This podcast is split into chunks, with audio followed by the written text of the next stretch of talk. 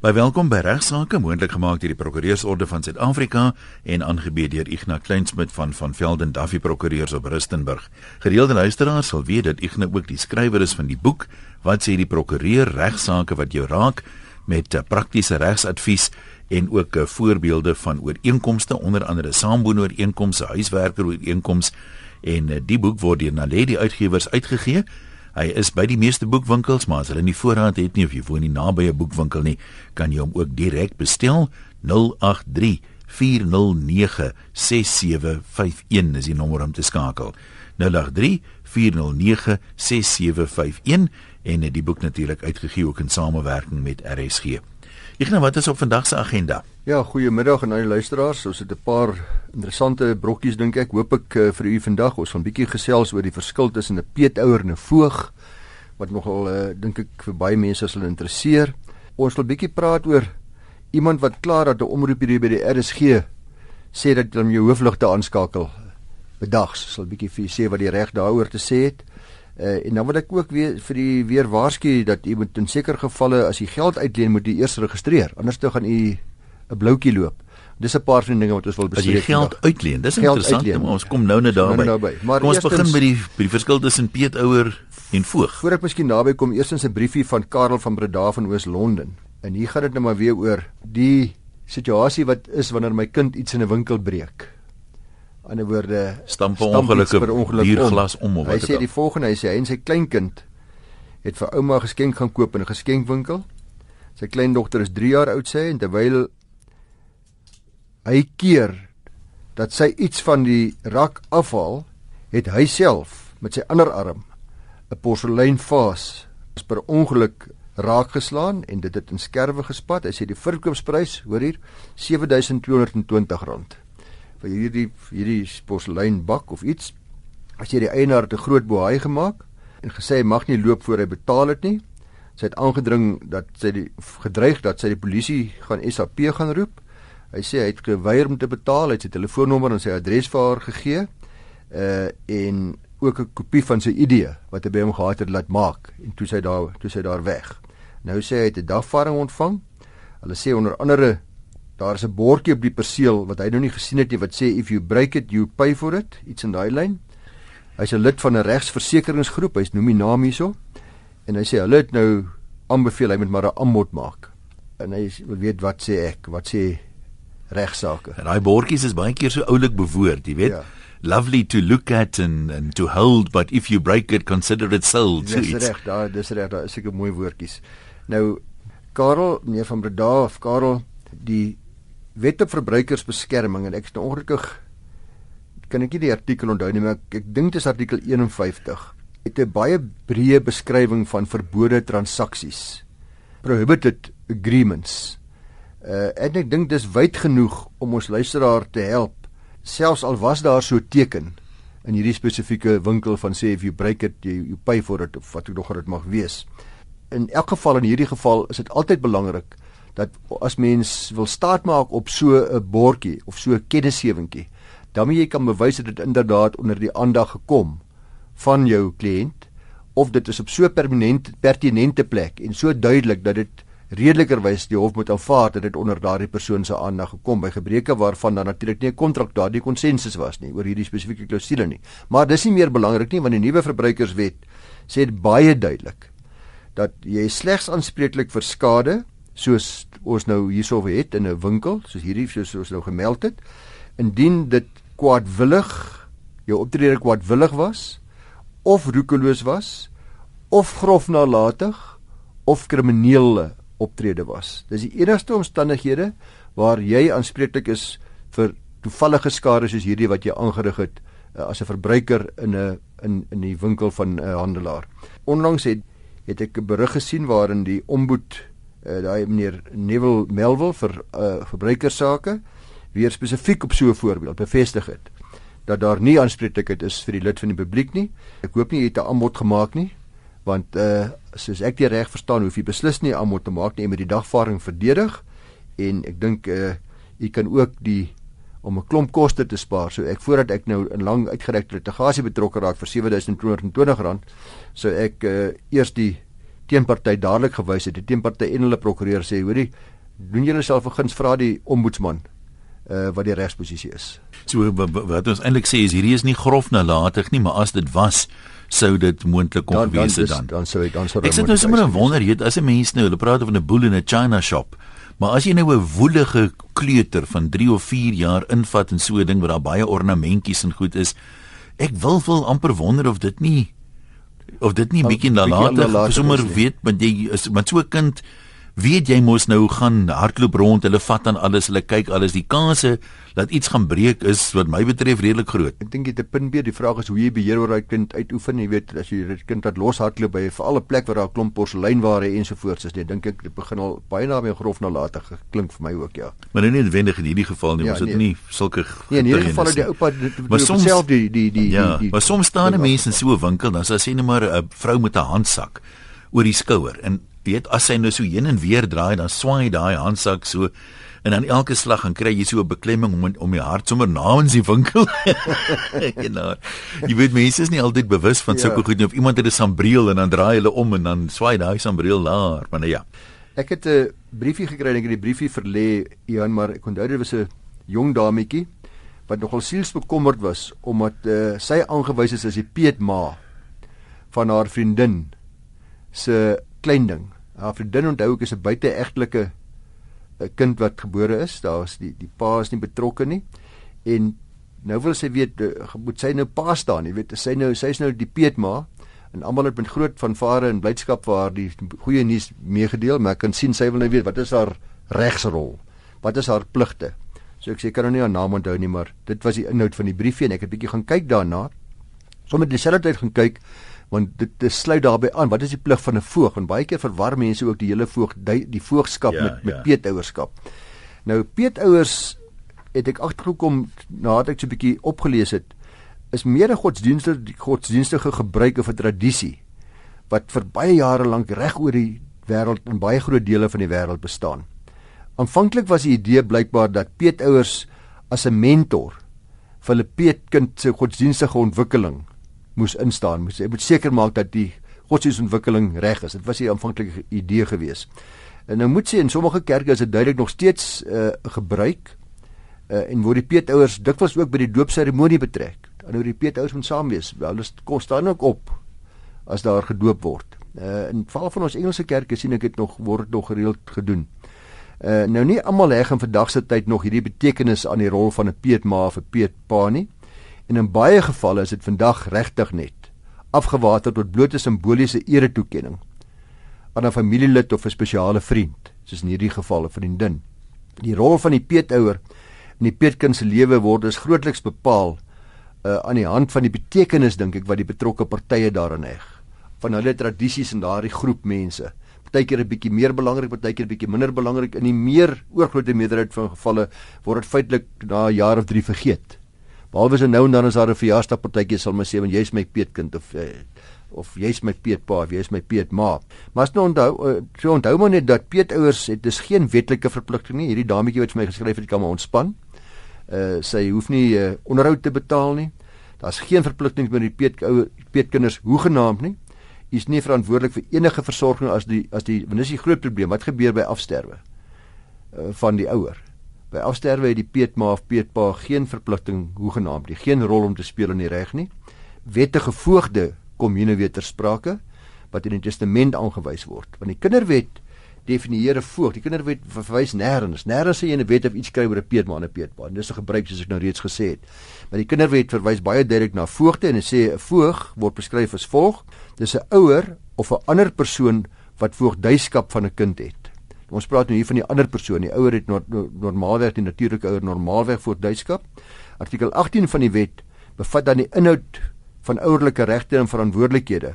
En in 'n subartikel 3 van daardie wet van artikel 18 word die pligte en verantwoordelikhede van 'n voog van 'n kind as volg uiteengesit. So let wel as die voog is of die natuurlike ouer of die persoon wat aangewys is as voog wat die natuurlike ouer nie meer daar is nie. So daar nou het u baie Jy moet mooi luister want as jy 'n voog van 'n kind is aangewys is met die besluit of jy dit wil doen of nie. Want as jy dit wel gaan doen, dan kom jy in die plek van die natuurlike voog en dit beteken jy moet die kind bystaan. Uh, die kind se eiendom en eiendomsbelange moet jy na kyk, administreer en beveilig. die kind bystaan in verantwoordig en administratiewe kontraktuele ander regsaangeleenthede. Enige toestemming, toestemming tot die huwelik moet jy gee toestemming tot die aanneming van die kind, toestemming tot die kind se vertrek of verwydering buite die republiek se grense, toestemming tot die kind se aansoek vir 'n paspoort, toestemming tot die vervreding of beswaring van enige onroerende eiendom wat die kind mag hê. Artikel 19 bepaal verder dat indien 'n biologiese moeder van 'n kind nie voogdyskap van die kind het nie en sou ook nie die biologiese vader van die kind nie, die biologiese moeder van die kind ook die voog van die kind sal wees. Hierdie artikel sal nou nie van toepassing wees op 'n kind wat die onderwerp van 'n surrogaatooreenkoms is nie. Alleenlik die Hof kan ouerlike regte en verantwoordelikhede met betrekking tot voogdyskap van 'n kind bevestig, wysig of beëindig. Dat die toewysing van voogdyskap deur 'n hofbevel, Kinderwet sê hier in artikel 24 hoe dit moet gebeur. Enige persoon wat 'n belang het in die versorging, welsyn of ontwikkeling van 'n kind, kan na die hof nader vir 'n aansoek uh, wat ek wil graag voogdyskap van hierdie kind hê. Uh, en wanneer dan die hof sal natuurlik wanneer hierdie saak voor hom dien kyk na al die faktore wat ter saak is, die beste belange van die kind, die verhouding tussen die applikant en die kind, uh die enige ander relevante persone wat wat moontlik betrokke kan wees, enige ander feit wat in die opinie van die hof na die mening van die hof in aanmerking geneem behoort te word. En indien 'n persoon aan aansoek doen vir voogdyskap van 'n kind wat al reeds 'n voog het, uh dan moet die applikant natuurlik redes aanvoer. Hoekom die bestaande voog nie geskik is nie en uh hoekom voogdyskap op daardie kind dan gewysig moet word, weggeneem moet word en in hom of haar gegee word. In artikel 27 handel dan met die toewysing van 'n voogdyskap in hierdie sorg. En net wel 'n ouer wat die enigste voog van 'n kind is, kan ook dan 'n geskikte persoon, gepaste persoon aanwys as voog van die kind in die geval van dood van daardie ouer. En die wet bepaal dat sodanige aanwysing dan vervat moet wees in die testament. Nou dan, en dis eintlik die belangrike deel wat ek nou by kom, nou is ek aangewys in die testament as die voog, ma en die pa is oorlede en ek kry dan nou voogdyskap en by die persoon se uitdruklike of geïmpliseerde aanvaarding van die aanwysing. Dis belangrik. Ek moet dit eers aanvaar. Dit moet aanvaar word. Is eers dan wanneer ek die voogdyskap sal verkry, nie outomaties nie. En indien twee of meer persone aangewys is as uh, voogde of om die sorg van 'n kind oor te neem, kan enigiemand of meerderes van hulle of almal die aanwysing aanvaar behalwe as dit as die testament nou spesifiek anders lees. So uh alhoewel ek nie kon regspraak opspoor hieroor nie, is dit baie duidelik vir dat mens kan weier om jou voogdyskap te aanvaar waar jy nie 'n voog wil wees nie. Maar as jy daai aanvaar, dan gaan al hierdie pligte gesaam daarmee op jou val. Wat gebeur nou as daar nie 'n voor die hand liggende voog is nie? Kom ons sê die kinders is ja. nog op skool, minderjarig, ehm um, ouers is nou dood, daar is nie 'n 'n suster of 'n oom of 'n tannie wat wat voog voog wil wees ja. of voog kan wees nie. Wat gebeur dan met die kinders? Dis gewoonlik nie 'n probleem waar mense 'n redelike goeie gesinsstrukture en familiestrukture het nie. Daar sal daar onmiddellik mense na vore kom wat natuurlik sê maar in baie keer nogal meer as een wat sê maar die boetie wil die kinders hê, wie sussie wil die kinders hê of ja. ou boet of of die ouma en oupa feitelik altyd wil is heeltemal bereid om die kinders aan te neem of uh, te versorg of uh, na hulle te kyk en dan word hulle baie keer maar net in in, in hulle sorg geplaas en nie werklik as amptelike voogde nie. Maar die probleem ontstaan by mense waar daar nie infrastruktuur is nie. En dan neem die staat oor aan die woorde ma en pa is dood, die kinders, niemand wil na die kinders kyk nie, dan word hulle natuurlik sorgbehoevende kinders en sorgbehoevende kinders word dan deur maatskaplike dienste na gekyk en en dan word daar bepaal deur die hof, die kinderhof oor hoe op watter manier daar vir hulle gesorg gaan word. En dis sal maar gewoonlik in 'n kinderhuis wees. Een het my 'n briefie aangestuur, uh, Henry Pretorius, waar hy die volgende sê, hy sê goeiemiddag Ian, ek luister vanmiddag na 'n omroeper en soos vele middae sê sy weer. Oop en aanhalingstekens sit julle hoofligte aan en vertel van die motorvervaardiger wie se spesifieke model motor se ligte outomaties aanskakel wanneer jy die motor aanskakel. 'n Luisteraar bel in en wys haar reg dat dit nie wettig is om die hoofligte helder oordag aan te skakel nie. Sy vererger en sê dat dit sy opinie is, ek knip die gesprek kort. Dan sê ek heg hier onder die padverkeerreëls aan wat dit duidelik stel wanneer en onder watter omstandighede jy jou motor se ligte mag en moet aanskakel. Die reëls laat na om te sê wat wettig is al dan nie om die motors ligte helder oordag aan te skakel, maar wat my gevolgtrekking is, is dat wanneer die sig goed is, dit nie nodig is om die hoofligte aan te skakel. Die vraag wat ek nou het, is is dit onwettig om die hoofligte aan te skakel wanneer sig goed is of nie? Destyds toe ek my bestuurslisensie gekry het, was dit vir my baie duidelik gestel dat dit onwettig is om helder oordag jou ligte aan te skakel, dat slegs noodvoertuie dit mag doen. Dankie vir die skrywe en vir die vraag. Hendrik, ek dink dit is baie mense wonder daaroor. Uh die vraag of 'n motor se hoofligte helder oordag aangeskakel moet word is een wat in vele gesprekke al met my geopper is. In die afgelope paar jare het dit 'n ongeskrewe reël geword vir baie padgebruikers om tydens hulle lang togte eerder hulle ligte aan te skakel om meer sigbaar te wees vir aankomende verkeer en, en vir voetgangers veral ook. Die vraag bly egter of ons wettig verplig is om dit te doen al dan nie en of dit onwettig is om dit nie te doen nie want dit is maar 6 van 1 en 'n half dosyn van die ander. Die patreels van Suid-Afrika bepaal in 'n netedop die volgende en so Henry het dit ook vir my aangeheg en ek verwys na dieselfde reëls wat hy ook na verwys wat hy anders interpreteer.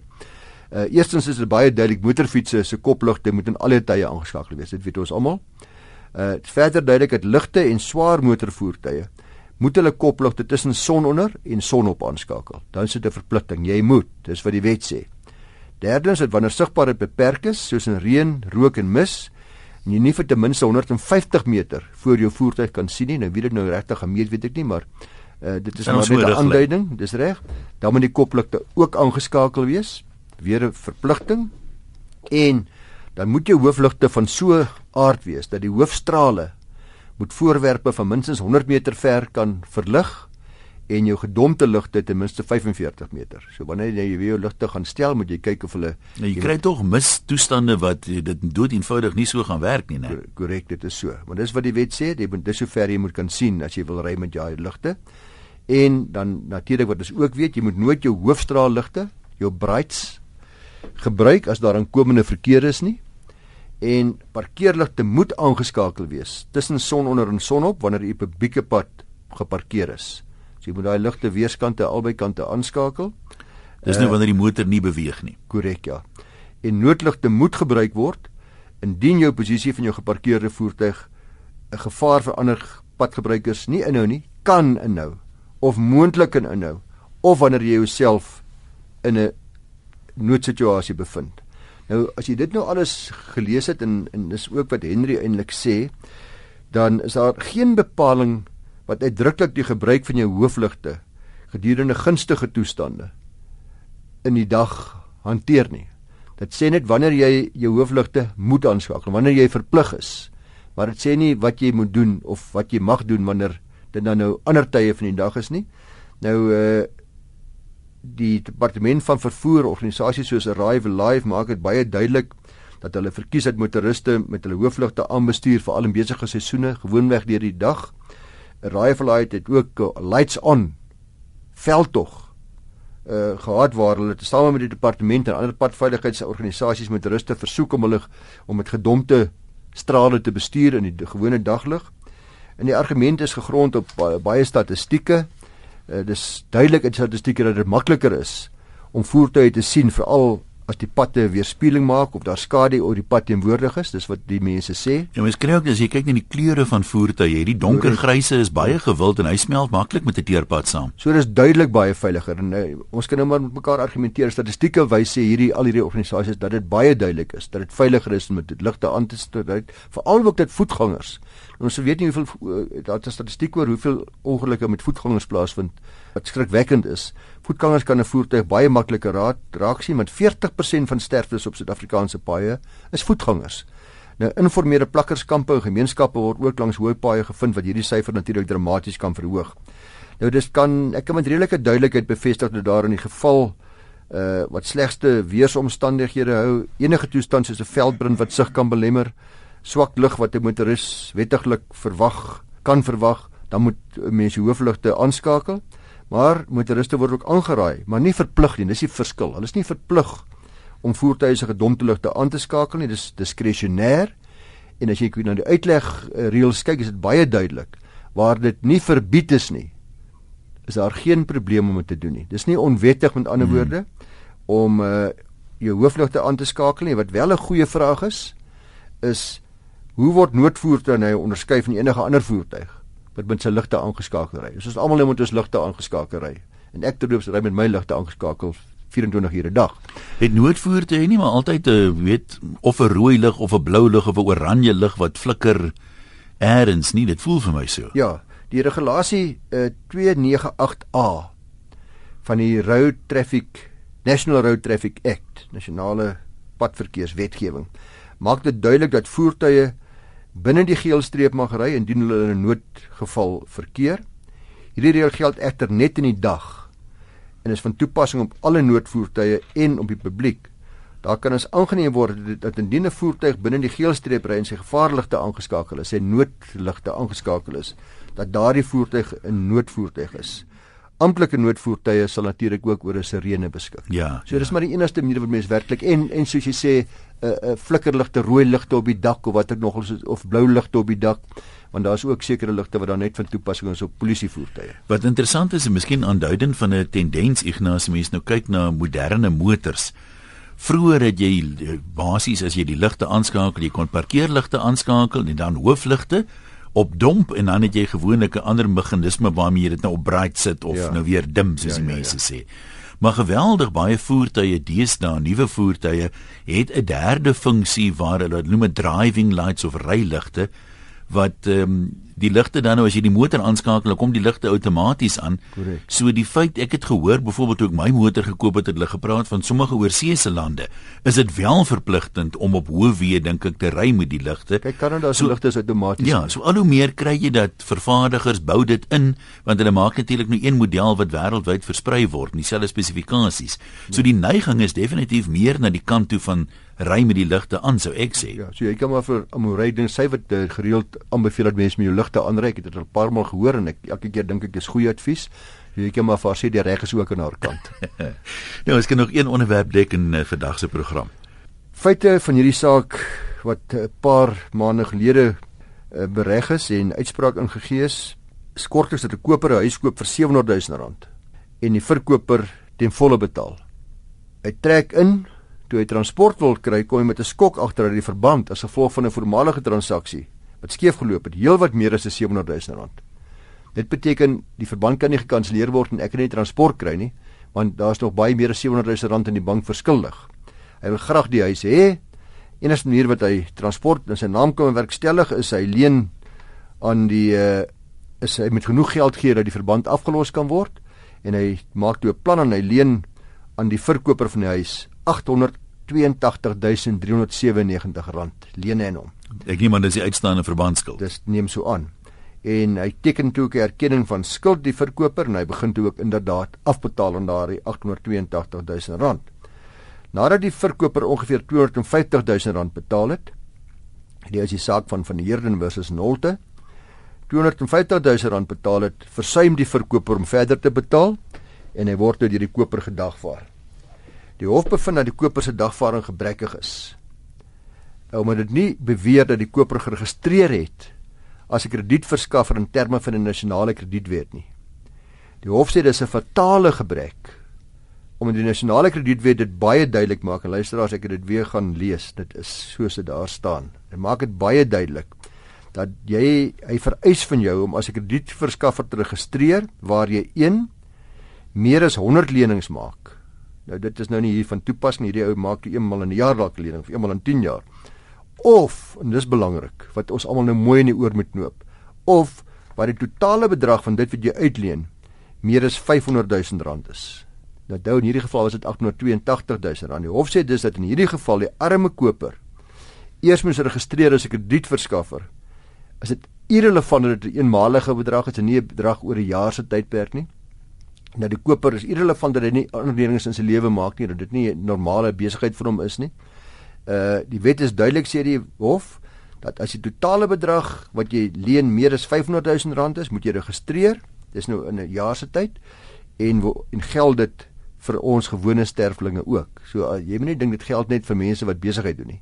Dit geld vir ons almal, elkeen van ons wat luister.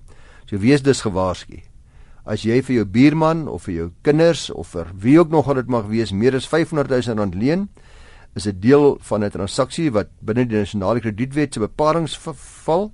As die leningsooreenkoms onregmatig en nietig, onafdwingbaar met ander woorde, indien jy nie geregistreer het vooraf Dis uh, nogal ingrypend hoor. Is ingrypend. Daar is natuurlik 'n ander remedie. Die enigste kans om daardie geld te verhaal sal wees om dit dagvaar op 'n heel ander oorsaak naamlik ongeregverdigde verryking 'n uh, algemene verrykingsaksie. Dan jy jy is verryk ten koste van my boere, dis 'n regtelike aksie. Hierdie eisoorsaak het weer ander vereistes wat jy moet nakom En daar's daar ook verweere op daai moontlike verweere daar, maar ek gaan nie nou dit nou bespreek nie. Dit ek sê dis 100 keer veiliger om liewer seker te maak dat jy geregistreer is waar jy meer as 500 000 rand uitleen.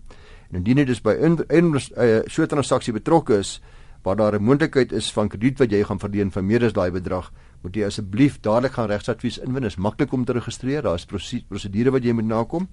Maar uh, wat nou gebeur in hierdie geval? Nou dagvaar jy iemand foutiewelik op grond van die leningsooreenkoms. Hy teken verskyning aan. Dan sê dit maar dat intussen reeds 3 jaar verbygegaan.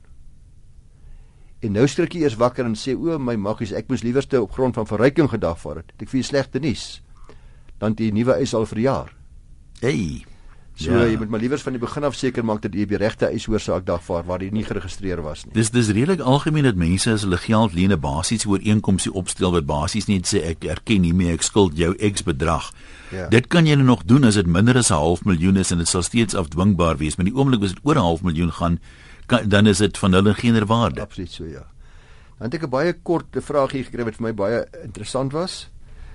Is ouma Fonnie of Fennie wat vir my vra, sy sê kyk hier so 'n paar sy so 'n paar woorde per bladsy. sy sê ek vra dat u die volgende sal bespreek wanneer 'n regter 'n uitspraak gee. Mag hy by enige persoon vra vir hulp? Of moet hy net op dokumente bly? Of hoe kan hy seker maak dat hy reg is? Baie dankie geniet die program. Nou is 'n baie baie interessante vraag ja. want mense wonder baie keer as jy 'n regter se uitspraak sien of hy dalk nou al die wysheid self inpak het en of hy dalk nou kundiges gevra het en hoe het hy nou hierby uitgekom want jy kry ook dikwels dat regters spesialiseer.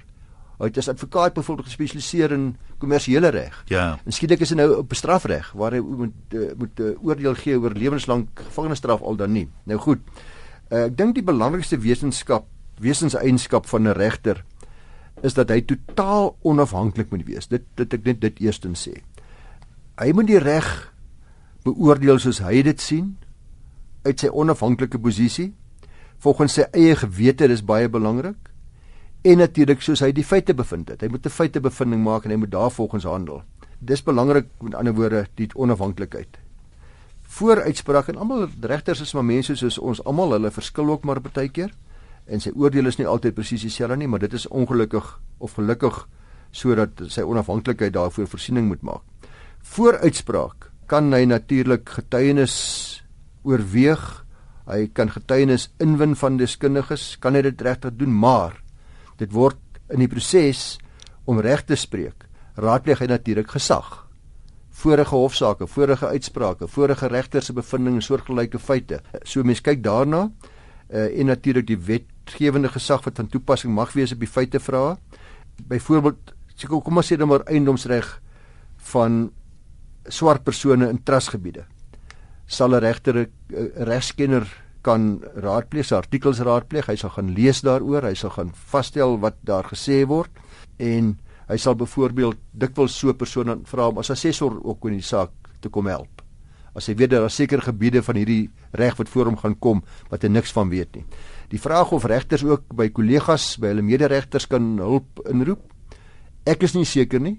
Dis uh, tog algemeen teete dat mense landroste regters moes maar informeel gesels en sê kollega ek het in die geval wat is jou opinie? Dit is presies wat gebeur het. Dit is 'n informele gesprek uh hulle regters respekteer mekaar se onafhanklikheid te alle tye, maar ek is seker van as mense informeel 'n mede kollega vra, dan sal hulle graag hulle opinie wil gee, hulle mening wil gee, hulle oordeel wil gee. Weereens op die basis van natuurlik daarmee die onafhanklikheid van die uh, sy geleerde ja. regters kollega. Ja, jy sal nou nie as gesag aanvoer sê jy weet my kollega Piet sê net noteer tyd nie, ja, hy reken dis jy skuldig. Presies, maar in siviele saak baie belangrik is dat Eh, ek het met 'n regter hieroor gesels uh, om seker te maak ek is reg en hy verseker my dat ek dat dit wel so is dat 'n regter kan nie sy eie spesialis getuies roep nie. In 'n woord ek kan nie as ek onseker is na ek nou alles gehoor het nie. Hmm. Dink maar wie wat ek wil graag 'n spesialis roep vir my toe kom om vir die hof toe kom sê nie. Ek kan nie sy eie getuie roep nie. Hy kan wel natuurlik as 'n sore kry soos ek gesê het. Geen probleem ook om vir die advokate te sê wat voor jou verskyn. Ek wil jou hoor op hierdie ek punt. Ek sal graag wil hê jy moet my toespreek hierop of ek wonder of julle nie wil beweeg om 'n getuie te roep wat vir ons almal kan help nie. Maar as julle diskresie, ek kan nie vir julle voorsê wat julle moet doen nie. Maar uh dit is inderdaad so. maar aan die einde van die dag is daar is hy regter maar 'n eensame persoon wat daar sit en binne sy raamwerk en binne sy geleerdheid en dit wat hy voor hom het 'n uitspraak moet gee wat nie altyd maklik is nie. Nee, inderdaad nie. Ignas, dit is verby. Baie dankie soos altyd. Baie dankie Jan en uh, dankie vir die luisteraars wat geluister het. Ek hoop jy het dit geniet. Voorbeelde of vrae wat jy wil hê ek moet bespreek, soos hierdie laaste een, kan jy nou berig by igna@ffd.co.za.